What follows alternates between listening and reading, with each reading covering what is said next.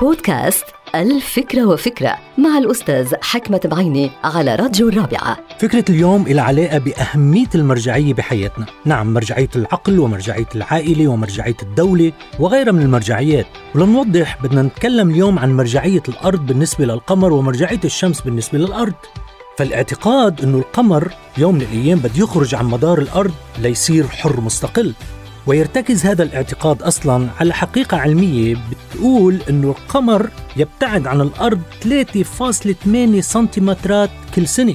وهيدي العلاقة اللي بتربط الأرض بالقمر من جهة والشمس من جهة أخرى تمنع القمر من الخروج عن مداره بسهولة.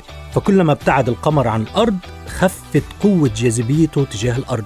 ومع تراجع هيدي الجاذبية بتضطر الأرض إلى إبطاء دورانها حول الشمس بمقدار 2 ملم في الثانية في القرن الواحد. واو. كل هالشي بيسمح للفريقين بإعادة تصحيح المسافات بينهم من خلال الارتكاز المشترك إلى جاذبية الشمس.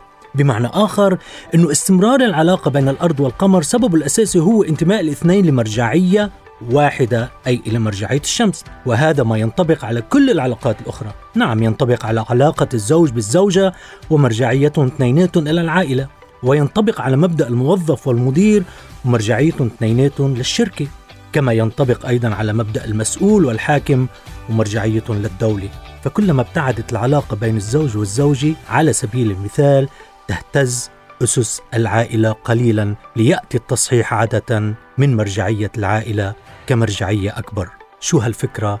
شو هالروعة؟ هذه الحلقة مقتبسة من كتاب الفكرة وفكرة